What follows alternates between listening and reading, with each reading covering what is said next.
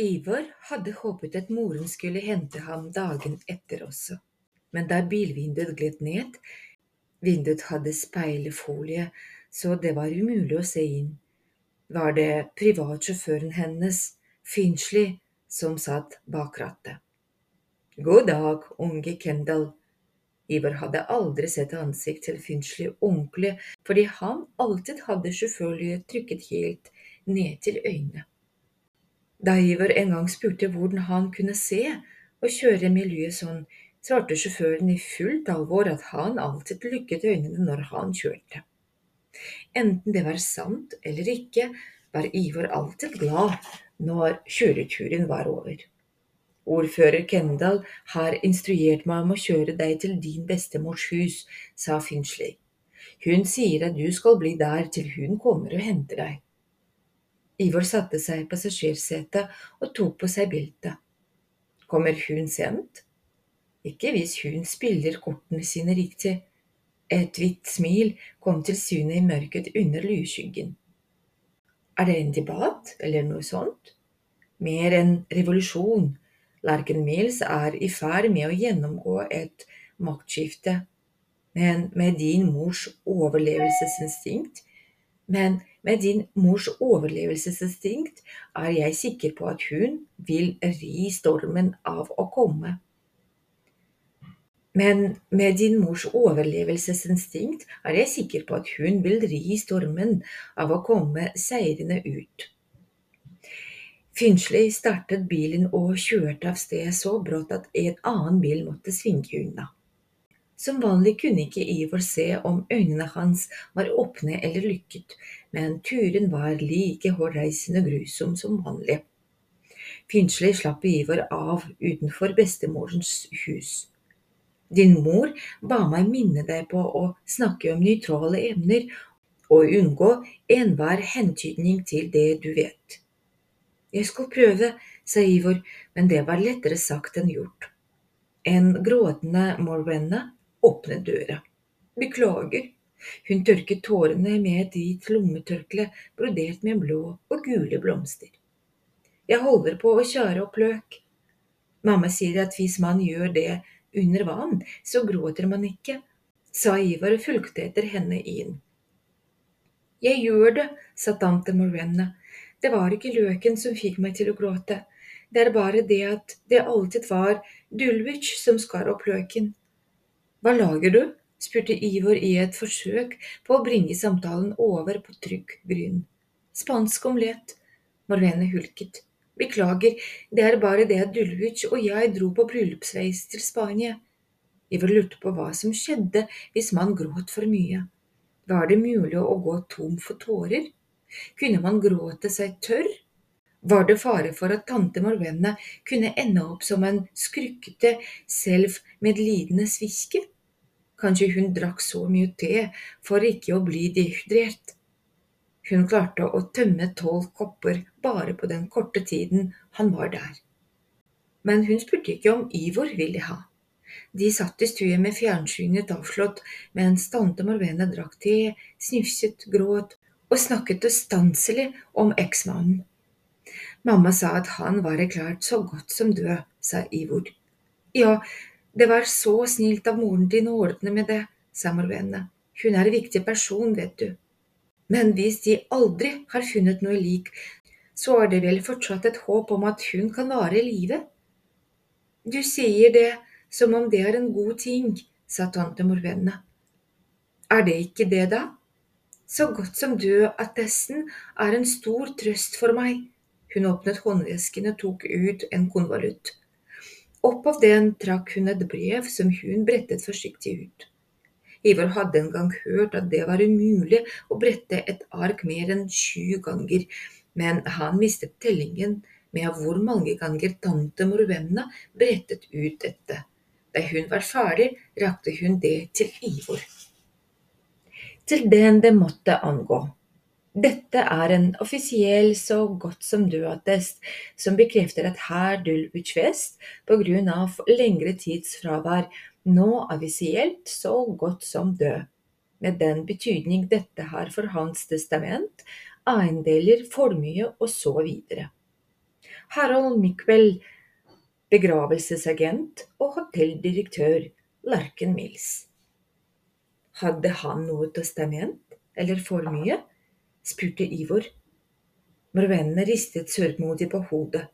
Penger var ikke Dulwich sterke side, han var kunstner. Betongkunstner, sa Ivor. Ja, et lite øyeblikk så tante Morvene nesten glad ut. Den gangen vi giftet oss, var betongkunst det helt store. Alle kunstgallerier i landet kjøpte betongkunst, og Larken Mills gikk i bresjen. Larken Mills nasjonalmuseum var fullt av betongkunst. I de rette hender var betongkunst verdt sin vekt i gull, og Dulwich var en stor kunstner. Han kunne lage ting av betong som fikk folk til å gråte. Det var han som skapte det store hjertet. Det er hovedverket hans. Er det onkel Dulwich som har laget Det store hjertet? sa Ivor imponert. Alle i Larken Mills kjente til Det store hjertet. Det var byens landemerke og lå midt på torget. Det var et kjempestort, anatomisk korrekt menneskehjerte hvor det rant vann i arteriene og ut på sidene. Det var et sted hvor folk møttes. Om sommeren plasket barna rundt i bassenget under hjertet. Om vinteren satt det folk som hadde drukket for mye, nisselyer på toppen av det. Hele året brukte duene det som trening i å skite på blink. Ivar hadde hørt moren beskrive det som byens sjel. Han må ha fått god betaling for det, sa Ivar. Tja, bystyret bestilte det da betongkunst var på høyden. Han fikk halve honoraret på forskudd og brukte alt på materialer og nedbetaling av gjeld. Da verket var ferdig, var ikke betong på moten lenger, så bystyret nektet å betale resten. Det var et hardt slag for Dulwich. Hvordan havnet det på torget likevel? Bystyret mente at siden det var de som hadde betalt for betongen, så var statuen deres, og siden har den stått der. Men de har aldri betalt resten av beløpet. Ikke som jeg vet, sa tante Morvenna med et ansiktsuttrykk som sa at det er heller ikke poenget. Dulwich arbeid var i hvert fall ikke forgjeves. Når forsvant han? Den dagen han la siste hånd på verket. Jeg trodde han var travelt opptatt på atelieret, så det var jeg som tok telefonen da de ringte og sa at de ikke ville betale resten. Da jeg dro til atelieret for å fortelle ham det, var han ikke der. Så han fikk aldri vite at bystyret ikke ville betale. Tante Marvene trakk på skuldrene. Kanskje noen hadde fortalt ham det, jeg husker ikke om det var telefon i atelieret. Hun tenkte en liten stund. Det er så mye som er uklart nå, det er merkelig hva man husker og ikke husker. Jeg har tenkt tilbake på den dagen så mange ganger og prøvd å finne en ledetråd, men det eneste jeg husker klart, er flyttebilen som sto utenfor. Jeg tror den har festet seg i hukommelsen på grunn av navnet, komplett flytting og bortrydding. Vi fjerner alt. Stakkars Dulwich ble jo komplett borte, ikke sant? Tror du at flyttebilen hadde noe med forsyningen hans å gjøre? Nei, jeg spurte moren din om det, men hun sa at det bare er et helt vanlig flyttebyrå som foretar alle slags flytteoppdrag her i byen. Prøvde du å ringe dem? Det kan jo hende at de hadde noe med forsvinningen hans å gjøre, kanskje de så noe? Nei, moren din sier at det ikke har noe for seg. Dulwich er borte, ganske enkelt.